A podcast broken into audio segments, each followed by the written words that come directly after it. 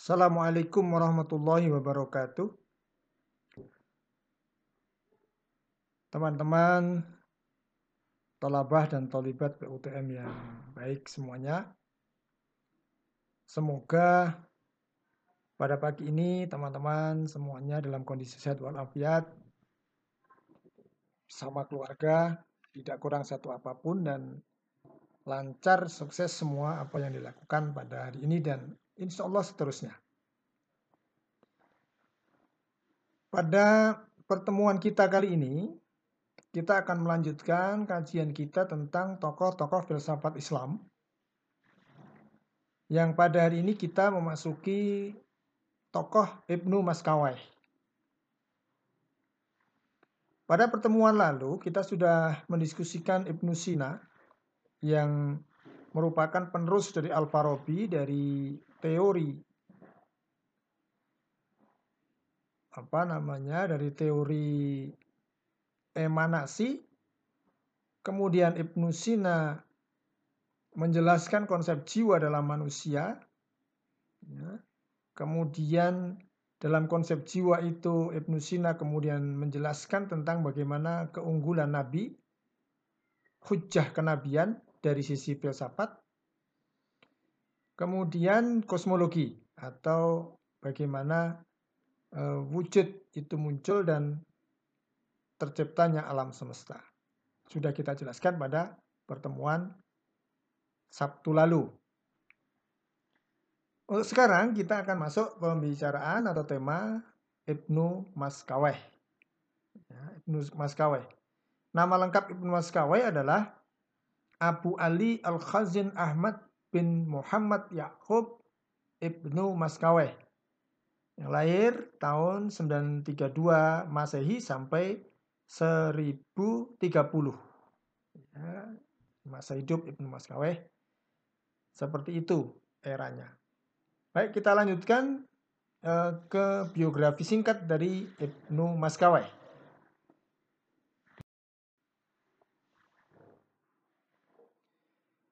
Ibnu Maskawai lahir di kota Rai pada tahun 932 Masehi.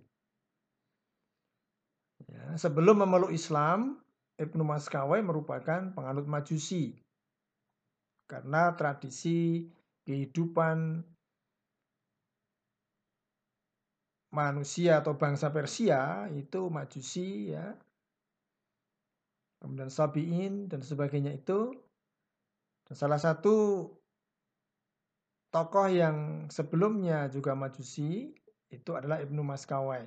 Tapi kemudian menemukan Islam dan beragama Islam dan menjadi seorang muslim dan menjadi muslim yang sangat taat.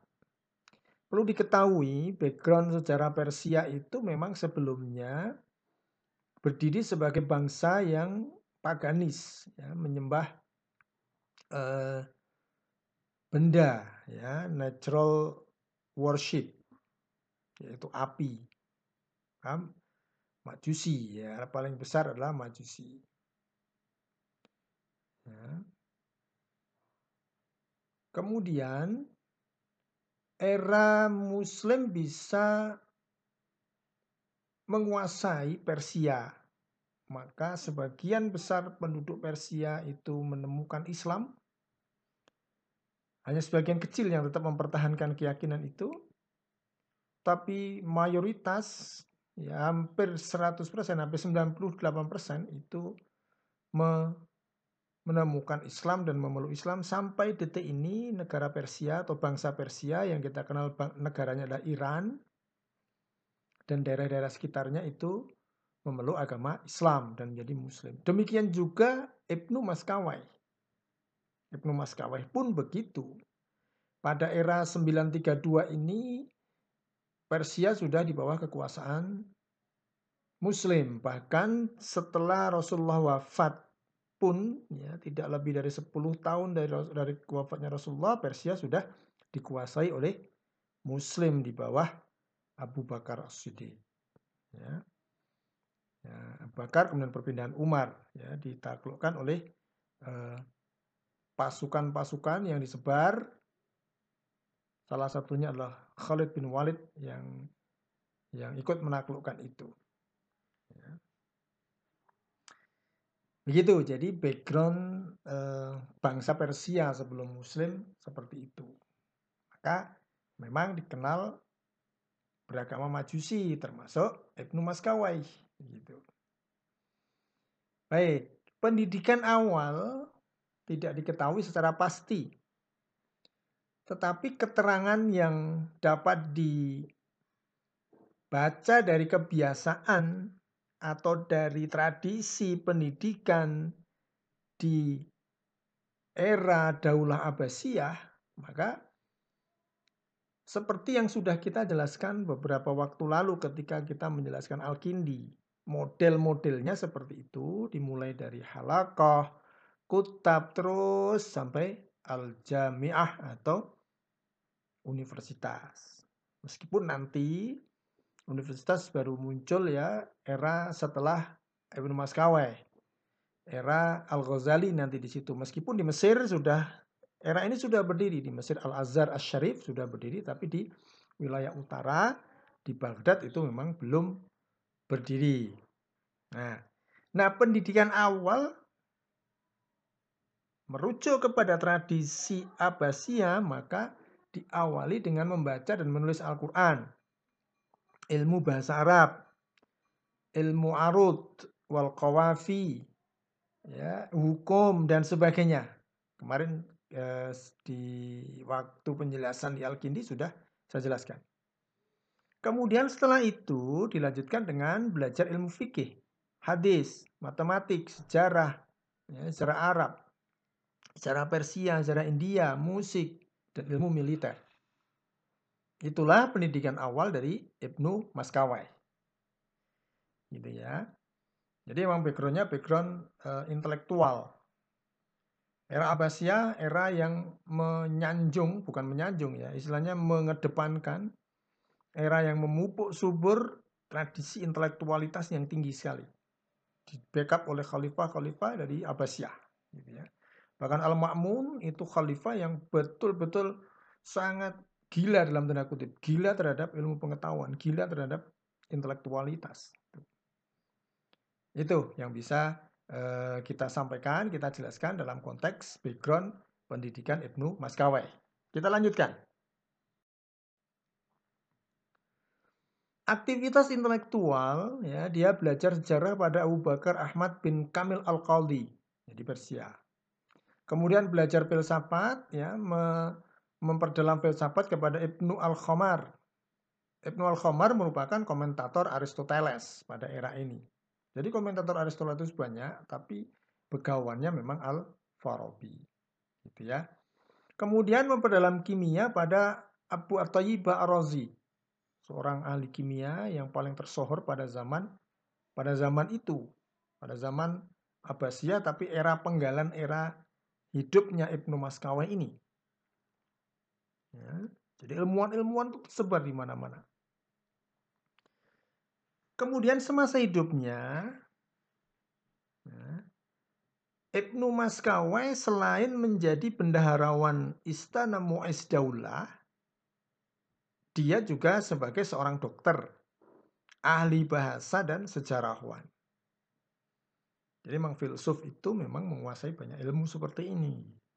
Ya, ada integrasi, interkoneksi. Mendekati segala sesuatu itu dengan interdisipliner, multidisipliner maupun transdisipliner. Maka ya filsuf mengetahui semuanya ini. Itu ya, jadi background saya tambahi seperti itu. Background pendidikan Ibnu Maskawai seperti itu. Baik, saya lanjutkan. Sekarang apresiasi dunia terhadap Ibnu Maskawai. Ibnu Maskawai dikenal sebagai filsuf, ahli etika, ahli sejarah bangsa Persia, dan ahli yang lain. Jadi sebagaimana filsuf-filsuf lain gitu ya. Tetapi yang paling menonjol dari Ibnu Maskawai adalah pemikiran moral dan pemikiran etika. Sebenarnya pemikiran yang lain juga menonjol, tapi karena kitab-kitabnya itu tidak sampai kepada kita semuanya, maka yang sampai kepada kita di antara tulisan-tulisan Ibnu Maskawai yang paling menonjol adalah pemikiran tentang moral, pendidikan etika, pendidikan karakter, dan sebagainya. Itu yang paling menonjol dari Ibnu Maskawai. Nanti teman-teman kalau tertarik untuk memperdalam konsep pendidikan moral atau konsep pendidikan karakter, ya Ibnu Maskawai bisa dikembangkan untuk risalah atau untuk tesis atau untuk disertasi, ya skripsi, ya itu silahkan, itu menarik. Jadi nanti keterkaitan antara ketauhidan dengan pendidikan karakter menurut Ibnu Maskawai misalnya gitu kan bisa, bisa dikembangkan untuk ke sana. Nah, karena Ibnu Maskawai itu kampion ya, champions di dalam pendidikan moral dan pendidikan etika, maka filsuf ya, atau para ulama atau para sarjana menggelari memberi gelar dari Ibnu Maskawai itu filsuf etika di dalam Islam filsuf moral di dalam Islam. Gitu ya. Kitab yang paling terkenal adalah Tahdzibul Akhlak. Nanti saya kirimkan juga ya. Kitab kitab asli tulisan dari Ibnu Maskawai.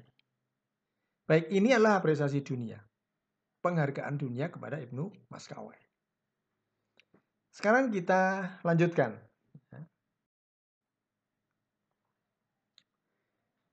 Karya-karya Ibnu Maskawai.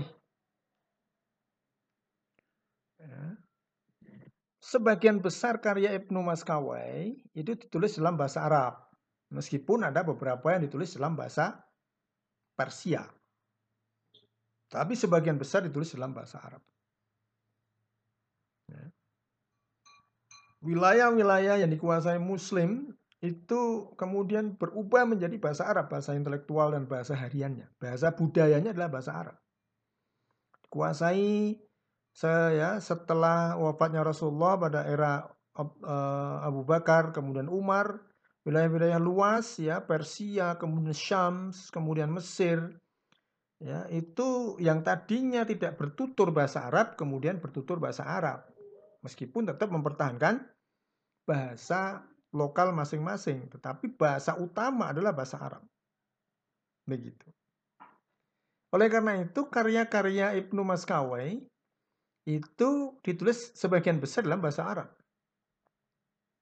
Lebih-lebih proses Arabisasi itu masih betul pada era Umayyah. Umayyah. Ya, dan Abbasiyah kemudian menyatukan antara Mawali yaitu orang-orang non-Arab dengan orang Arab dan bahasa Arab mendominasi sehingga bahasa intelektual pada waktu ini adalah bahasa Arab. Bahkan pengaruhnya pun sampai ke Indonesia. Gitu. Baik, karya-karya yang paling terkenal dari Ibnu Maskawai adalah Tahdzibul Akhlak yang berbicara tentang struktur moral manusia. Dimulai dari struktur jiwa, kemudian masuk menjadi struktur moral dan bagaimana tindakan manusia terkait dengan struktur moral, bagaimana konsep kebahagiaan dan sebagainya. Itu akan dijelaskan semua. Bukunya tidak terlalu tebal ya. Terlalu tebal kitabnya. Nah, nanti teman-teman bisa bisa mengkajinya gitu ya. Saya, saya kirimkan nanti. Kemudian Taharatul hub. Tentang penyucian jiwa. Kemudian al-fauzul akbar. Bagaimana konsep-konsep kebahagiaan dan bagaimana meraih kebahagiaan itu. Kemudian al-fauzus soghir. Lanjutan dari al-fauzul akbar. Tapi lebih terperinci penjelasan-penjelasannya. Kemudian kita Sa'adah, buku tentang kebahagiaan. Kemudian ada dunia wadin. Ya, ini bagaimana etiket di dalam kehidupan dunia dan dalam beragama. intinya Ibnu Maskawa itu kalau bisa kita bilang, bisa kita katakan dia ahli psikologi, dia ahli ahli semuanya tapi dalam konteks dia menjelaskan konsep etika, dia masuk ke dalam yang sekarang kita kenal dengan psikologi yang yang lebih canggih lagi gitu ya. Kalau psikologi lebih hanya terfokus pada bagaimana dorongan-dorongan motivasi dan sebagainya gitu ya. Tapi Ibnu Maskawi lebih ke struktur daripada uh, kesadaran, struktur tentang jiwa, kemudian bagaimana uh, konsep etika dan etika itu bermanfaat bagi penciptaan terhadap kesejahteraan, kedamaian, keberanian, motivasi sebagainya itu dijelaskan semua oleh Ibnu Maskawai gitu ya. Jadi kalau ada psikolog-psikolog yang uh, betul-betul sepertinya menganggap Sigmund Freud ya, Gustav Jung itu sebagai pionir-pionirnya psikologi, mungkin akar dari cara pandang mereka itu dari Ibnu Maskawai dan para filsuf-filsuf sebelumnya. Karena memang ada keterputusan rantai, Mbak dan Mas ya. Ada keterputusan rantai sambungan intelektual dari Yunani ke Muslim itu nyambung, ya. Muslim ke Barat pada era awal nyambung, tapi begitu Renaissance, ya, tokoh-tokoh ilmuwan-ilmuwan Barat itu menjiplak atau meneruskan atau hanya meng, apa namanya istilahnya hanya hanya menggunakan atau membahasakan ulang temuan-temuan dari intelektual Muslim kemudian di dianggap itu sebagai temuan mereka dan ini sepertinya ya, diakui sebagai warisan barat dan berkembang sampai sekarang. Maka ilmu psikologi itu kalau kita merujuk ke barat ya tokohnya Sigmund Freud. Padahal Sigmund di belakang Sigmund Freud itu apa? Ada perkembangan intelektual yang panjang dan dan berakar dari tradisi-tradisi ilmuwan muslim gitu sains, kemudian astronomi dan sebagainya. Nanti di belakang bagaimana pengaruh barat, bagaimana pengaruh filsuf muslim terhadap perkembangan barat nanti kajian-kajian di belakang akan saya jelaskan. Gitu ya. Baik. Nah, ini karya-karyanya. Sekarang kita masuk ke pemikirannya. Pertama, pemikiran filsafat manusia. Ya, filsafat manusia. Menurut Ibnu Maskawai, manusia merupakan makhluk yang terbagi menjadi dua komponen, dua aspek. Yang pertama aspek jasmani dan yang kedua aspek rohani.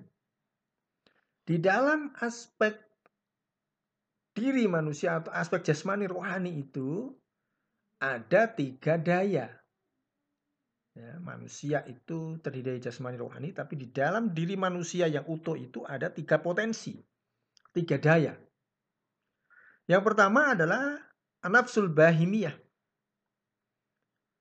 Bahimiyah, nafsu berkeinginan, ber, apa, berkehendak yang yang tanpa batas. Ya, mungkin ya ya begitu ya, bahimiyah. Jadi ganas gitu ya, nafsu berkeinginan yang yang luar biasa. Berkehendak yang tanpa batas. Kemudian ada daya yang disebut dengan nafsu sabu'iyah dan nafsul ghadabiyah. Nafsul ghadabiyah dan sabu'iyah. Apa ini? Daya berani itu maksudnya dia mempunyai uh, uh, courage gitu ya, mempunyai courage, mempunyai uh, keberanian dalam arti uh, apa? Bukan berani kemudian oh, berani berkelahi bukan begitu, tetapi berani dalam arti ada keinginan untuk tantangan tertentu. Courage, courage itu lebih diartikan sebagai ya berani artinya, cuman courage ya. Misalnya ada istilah we have courage at different appearance. Itu diartikan uh, kami berani tampil beda. Nah, itu maksudnya ada tantangan, tetapi uh, daya manusia untuk menghadapi tantangan itu yang namanya sabuaya atau ghadabiyah. Saya pakai istilah as-sabu'iyah saja biar enggak biar enggak uh, biar tidak tercampur dengan bayinya dan dan yang lain. Kemudian yang ketiga adalah nafsun natiqah. daya berpikir, daya bernalar. Gitu ya. Nah, daya berkeinginan, daya melakukan sesuatu tanpa batas dan daya sabu'iyah, daya untuk berani itu berasal dari materi, berasal dari jasmani, berasal dari aspek manusia yang bersifat materi atau jasmani. Sedangkan daya berpikir atau anafsun natiqah, jadi yang terakhir itu berasal dari Tuhan, berasal dari Allah. Karena dia non materi, dia bersifat ruhani. Dan dalam diri manusia, anafsun natiqah itu menempati posisi yang tinggi dibandingkan dengan anafsus sabu'iyah dan anafsul bahimiyah. Jadi ada level ya. Level yang tinggi itu an-nafsun natiqah karena dia bersifat rohani dan berasal dari Allah. Kemudian level berikutnya yang di bawahnya adalah nafsus sabu'iyah dan di bawahnya lagi an-nafsul bahimiyah yang lebih berorientasi kepada tuntutan-tuntutan jasmani atau tuntutan materi dari manusia. Baik, ini ini cuplian saja seperti ini, penjelasan panjangnya bisa dibaca di karya-karya Ibnu Maskawa. Ini cuplian aja karena kita ya mengenal saja dan dan mengenal tidak usah punya target untuk harus menguasai detail. Tapi kalaupun itu Anda lakukan tidak masalah. Tapi capaian pembelajaran kita ya kita mengenal kemudian ya memahami awal-awal memahami kata kunci-kata kunci dari pemikiran Ibnu Maskawai. Gitu ya. Inilah pesawat manusia menurut Ibnu Maskawai. Nah, sekarang kita lanjutkan.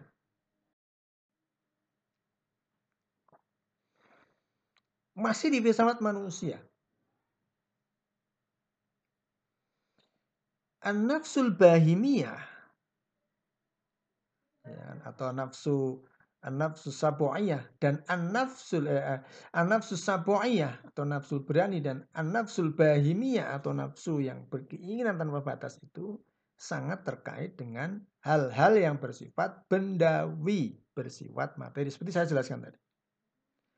Maka kuat atau lemah, sehat atau sakitnya jasmani, sehat atau sakitnya badan, tergantung pada kondisi daya tersebut.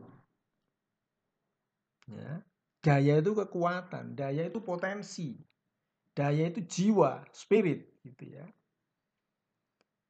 Jadi ketika daya sabuaya dan daya bahimia itu lemah, maka jasad manusia juga lemah. Karena kedua daya itu langsung terkait dengan atau terikat dengan materi, ter terkait dengan bendawi, terkait dengan jasmani manusia. Nah, kalau kita sakit, itu sebenarnya berasal dari dari menurut teori ini ya, berasal dari nafsu sabu'iyah dan nafsus nafsul bahimiyah yang tidak kuat. Gitu. Jadi tidak bisa mengendalikan dorongan-dorongan itu sehingga berimplikasi kepada sakitnya jasmani. Kalau dalam psikiater gitu, psikiatri, ilmu psikiatri, ya, kecemasan, anxiety, ya, kemudian eh, kegalauan, kemudian apa namanya depresi itu kan itu hal-hal yang muncul secara psikologis. Ya. Dan secara psikologis dalam konteks Ibnu Maskawai itulah nafsu sabu'iyah dan nafsul bahimiyah. Kecemasan itu kan nanti terkait dengan seperti itu. Itu terkait dengan materi. Kenapa cemas? Karena ada sesuatu sesuatu materi yang yang yang dia apa namanya? Dijadikan objek oleh daya sabuaya dan bahimia ini. Maka dengan kecemasan ya, akan berdampak pada fisik badan. Dengan cemas kemudian daya imun turun. Kemudian ya ada dorongan-dorongan tidak ya lesu gitu ya, malaise gitu. Jadi lesu tidak mau makan, tidak rasanya nggak nggak ingin makan, sudah terasa kenyang gitu. Padahal fisik perlu asupan, maka ketika fisik tidak ada asupan dan jiwa yang dirasakan manusia itu tidak ingin makan, ya akhirnya menjadi kurang dan sakit begitu. Nah, maka yang diobati kalau dalam konteks konteks psikiatri, nanti yang diobati kecemasannya itu dulu, bukan fisiknya. Kalau kecemasannya hilang, ya, maka nanti kemudian fisik akan akan memperbaiki sendiri. Meskipun ya psikiatri psikiater nanti akan memberi obat fisik. Misalnya kena lambung ya lambungnya sekaligus kejiwaannya nanti yang diperbaiki gitu. Itu ya maka kuat dan lemahnya jasad tergantung pada kondisi kuat dan lemahnya daya ini Baik, kemudian kedua daya tersebut juga tidak sempurna tanpa ada materi atau benda. Daya sapu'iyah dan bahimiyah itu pun tidak akan sehat, tidak akan kuat tanpa adanya benda karena kedua daya itu terkait dengan benda. Ya, terkait dengan benda. Jadi ya memang kedua daya ini daya untuk untuk persoalan-persoalan yang bersifat bendawi. Oke. Maka alasan inilah yang dijadikan sandaran bahwa manusia itu ya, di dalamnya ada jasmani dan rohani tapi tidak bisa dipisahkan. Ada memang jasmani dan rohani, tapi keduanya nggak bisa dipisah. Itu satu, meskipun dua unsur. Baik, kita lanjutkan. Sekarang dalam diri manusia itu, karena tadi sudah saya jelaskan ada dua ada dua daya, daya yang sifatnya materi dan daya rohani, ya. Maka kita akan masuk sekarang ke bagaimana filsafat akhlak atau etika. Anda menyebut etika itu nggak pakai nggak usah pakai filsafat etika lagi. Etika itu filsafat akhlak begitu. Atau filsafat moral. Filsafat moral ya etika, nggak usah pakai filsafat etika, nggak usah. Etika itu adalah filsafat moral. Sama seperti Anda ngomong penjahit Tyler gitu kan. Penjahit, penjahit gitu ya. Oh di penjahit Tyler gitu. Itu sama dengan filsafat etika. Sifat filsafat ya sudah filsafat moral. Etika itu namanya filsafat moral. Tyler itu ya tukang jahit nggak usah tukang jahit Tyler gitu nggak usah ya. Baik. Filsafat akhlak. Sekarang kita masuk ke aspek yang non materi yaitu daya. Daya natikoh, nafsu natikoh. Daya berpikir merupakan daya tertinggi yang berasal dari Tuhan, tadi sudah saya jelaskan. Maka ukuran kebaikan dan keburukan yang dilakukan manusia itu berada pada kekuatan daya natikoh itu. Kebaikan, keburukan yang dilakukan manusia, yang dipikirkan manusia, yang dirasakan manusia itu ukurannya atau bukan ukurannya, eh, apa namanya? Eh, mekanisme kerjanya berada pada anak sunatiko. Mekanisme kerjanya pada wilayah daya berpikir ini. Begitu. Karena apa? Karena jiwa manusia itu mempunyai watak, mempunyai karakter. Baik karakter itu yang diperoleh sejak lahir Bawaan berarti dia bawaan dari DNA, bawaan mewarisi sifat-sifat atau karakter orang tuanya. Dan ada karakter atau watak yang bisa dibentukkan, bisa dilekatkan kepada seseorang dan dibangun itu.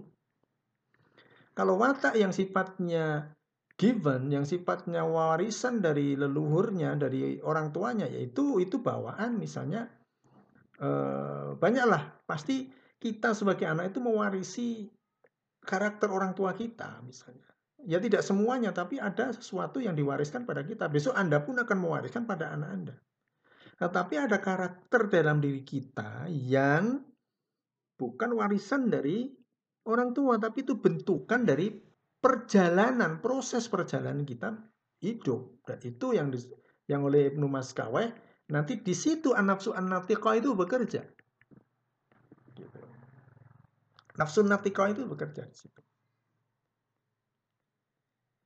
Gitu ya. Nah, kedua watak itu ya, watak yang dibawa sejak lahir dan watak yang dibentuk dalam proses perjalanan atau dilatihkan ya, constructed gitu ya. Tidak alami. Dia hanya modal, dia hanya sebagai benih. Dari orang tua juga benih, yang dibentukkan juga benih, maka ada proses uh, apa namanya training gitu ya, proses exercise, latihan, pelatihan, training gitu ya.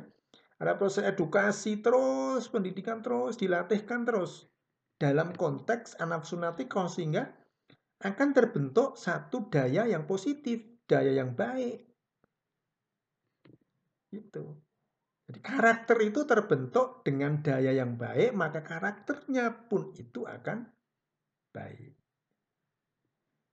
Ini pemikiran awal begitu. Kita lanjutkan. Biar nanti pas ya, mungkin 40 menit lah. Ya, kelamaan enggak apa-apa lah, Sben. Untuk belajar ya. Nanti kalau Anda nggak nggak mendownload ya mungkin bisa di saluran lain ya podcast atau apalah nanti coba saya saya sambungkan kalau bisa. Baik kita lanjutkan. Nah pendidikan karakter atau apa namanya training terhadap kedua daya itu daya yang diwariskan maupun daya yang dilatihkan ya itu tidak alami. Maka dia harus dilatih terus harus di ada proses training proses pendidikan proses edukasi. Nah pendidikan untuk membentuk karakter dalam daya kedua daya itu ya, harus dilakukan dengan melatih apa yang berada di belakang daya itu yaitu apa jiwa jadi latihan terhadap daya yang alami dan daya yang dilatihkan tadi, atau dilatih dibentuk supaya menjadi baik, itu caranya dengan cara apa? Dengan cara melatih asalnya, sumbernya atau akarnya yaitu apa? Jiwa, potensi jiwa. Nah, bagaimana cara melatihnya? Cara melatihnya adalah mempertemukan kedua daya itu dan diambil yang di tengahnya. Itu teorinya Ibnu Maskawi begini. Ya. Bagaimana mempertemukannya? An-nafsul bahimiyah itu ekstrim yang di sini. Ekstrim yang di sana namanya al-jahal. Nah di tengah-tengahnya itu ada satu karakter yang namanya aifah. Jadi an-nafsul bahimiyah itu ekstrim, kalau kita anggap ekstrim kiri begitulah ya. Sebenarnya ini kiri semua sebenarnya. Dari sisi yang A misalnya gitu. Bahamiah itu sisi A. Sisi C al-jahal. Kebuntuan ya. Kebuntuan, kemudian kebodohan, kemudian nggak tahu apa-apa gitu. Nggak pengen apa-apa, nggak tahu apa-apa. Pokoknya gue meneng baik begitulah itunya itu itu lawan dari al bahimiyah Maka di tengah-tengahnya itu ada aifah, karakter yang namanya aifah. Apa artinya? menjaga dari perbuatan dosa. Kemudian di antara sabu'iyah, di sisi sini ada sabu'iyah, di sisi sana ada asyar. Asyar.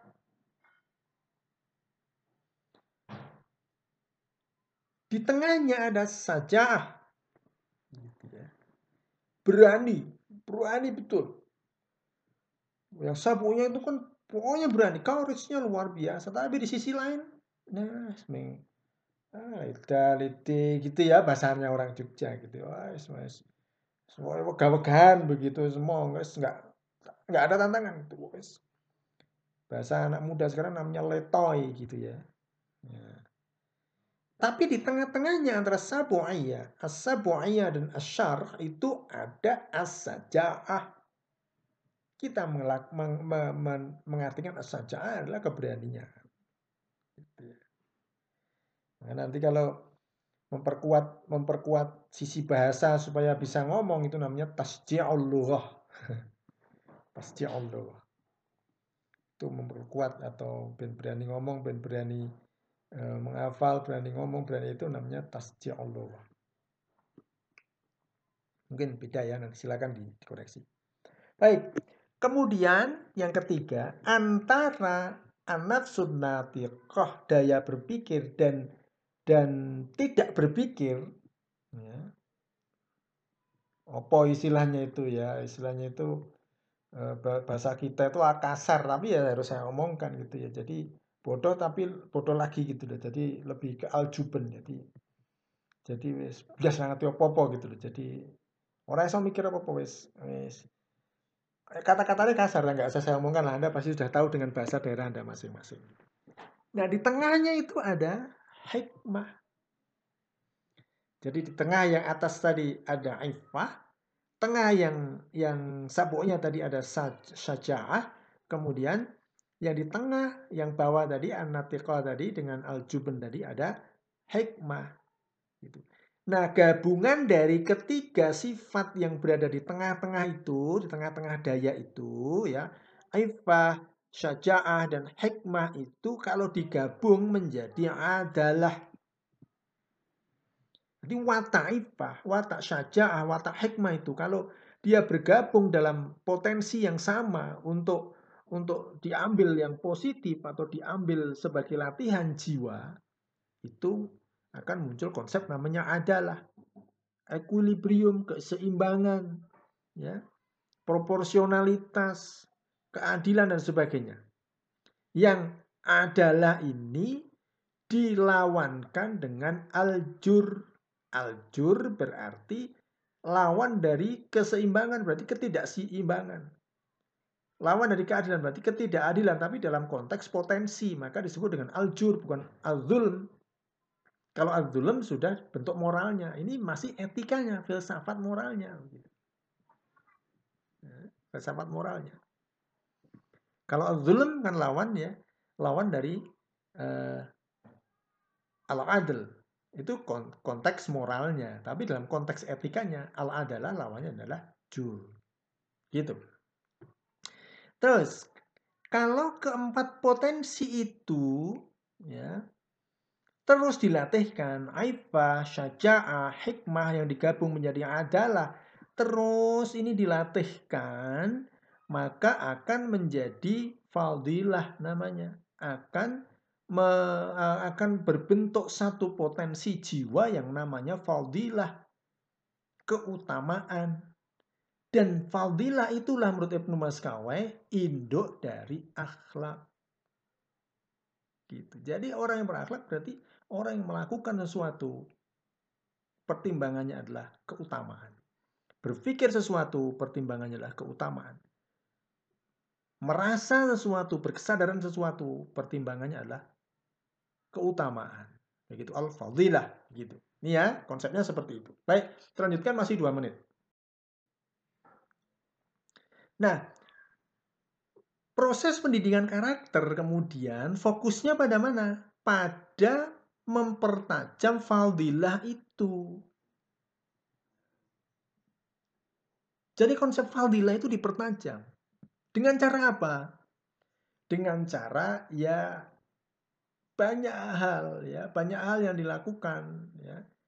Mempertajam ini dengan bagaimana kekuatan ibadah, bagaimana kekuatan berinteraksi, bagaimana menyadari arahan eh, arahan-arahan dari Allah, menyadari arahan-arahan dari Rasul, banyak contoh orang gitu ya orang yang perlu dicontoh, banyak orang yang dilihat kemudian diaplikasikan seperti itu. Itu proses latihannya. Proses latihannya. Maka yang namanya akhlak itu nanti menurut Ibnu Mas'ud adalah pembiasaan. Pembiasaan dari proses fadilah yang akhirnya kalau sudah terbentuk itu akan spontan muncul. Maka bentuk perbuatan yang dasarnya akhlak itu spontan, tidak usah dipikir. Karena dasarnya sudah fadilah, bukan natikoh lagi. Begitu. Orang yang berakhlak, cara bicaranya spontan, ya positif yang diomongkan. Cara berpikir, ya positif yang dipikirkan. Menyadari sesuatu, ya positif. Bergerak, melakukan, berbicara apa pun, spontan, tanpa dipikir, tapi itu positif. Itulah namanya akhlak. Gitu. Dan itu dilatih dari fadilah tadi. Dengan cara apa? Dengan cara pembiasaan. Happy, happy, happy apa namanya? Uh, habituation gitu ya, pembiasaan. Ya, seperti itu, itu pendidikan akhlak seperti itu. Nah, kalau proses pembiasaan ini ya itu tentu membutuhkan instrumen yaitu pendidikan, ada lembaga pendidikan. Lembaga pendidikan bukan harus bukan gedung, tetapi lembaga pendidikan itu bisa keluarga, bisa masyarakat, bisa tempat-tempat kita beraktivitas itu namanya institusi-institusi pendidikan gitu ya. Kemudian ada sekolah formal gitu, ada masjid, ada macam itulah proses pendidikan dan itu saling terikat satu sama lain karena individu memiliki fadilah yang sama maka akan saling mengingatkan akan saling membentuk sinergi, membentuk pribadi, membentuk masyarakat, membentuk keluarga yang punya fadilah yang seperti ini. Nah, ujung dari proses yang dilakukan, semua proses yang dilakukan dan difikirkan seperti ini tadi, pro, ujungnya apa? As-sa'adah. Yang dicapai itu adalah kebahagiaan, ya, tenang, senang, menet perasaannya itu jadi tidak bergejolak, tidak melonjak-lonjak. Kalau ada persoalan yang tidak disenangi itu cepet dia antara sabu'iyah dan asyar tapi langsung saja.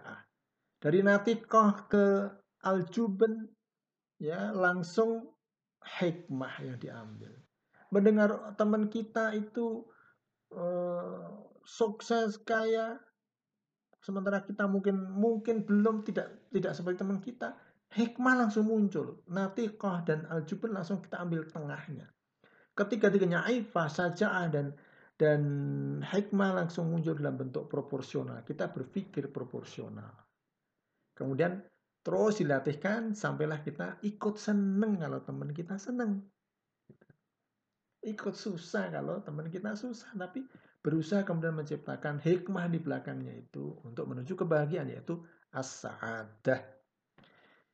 Ini kira-kira Mas uh, dan Mbak semuanya model pemikiran dari Ibnu Maskaweh. Nanti penjelasan detailnya silakan dilihat di buku, di kitab yang akan saya kirimkan bersama dengan file ini.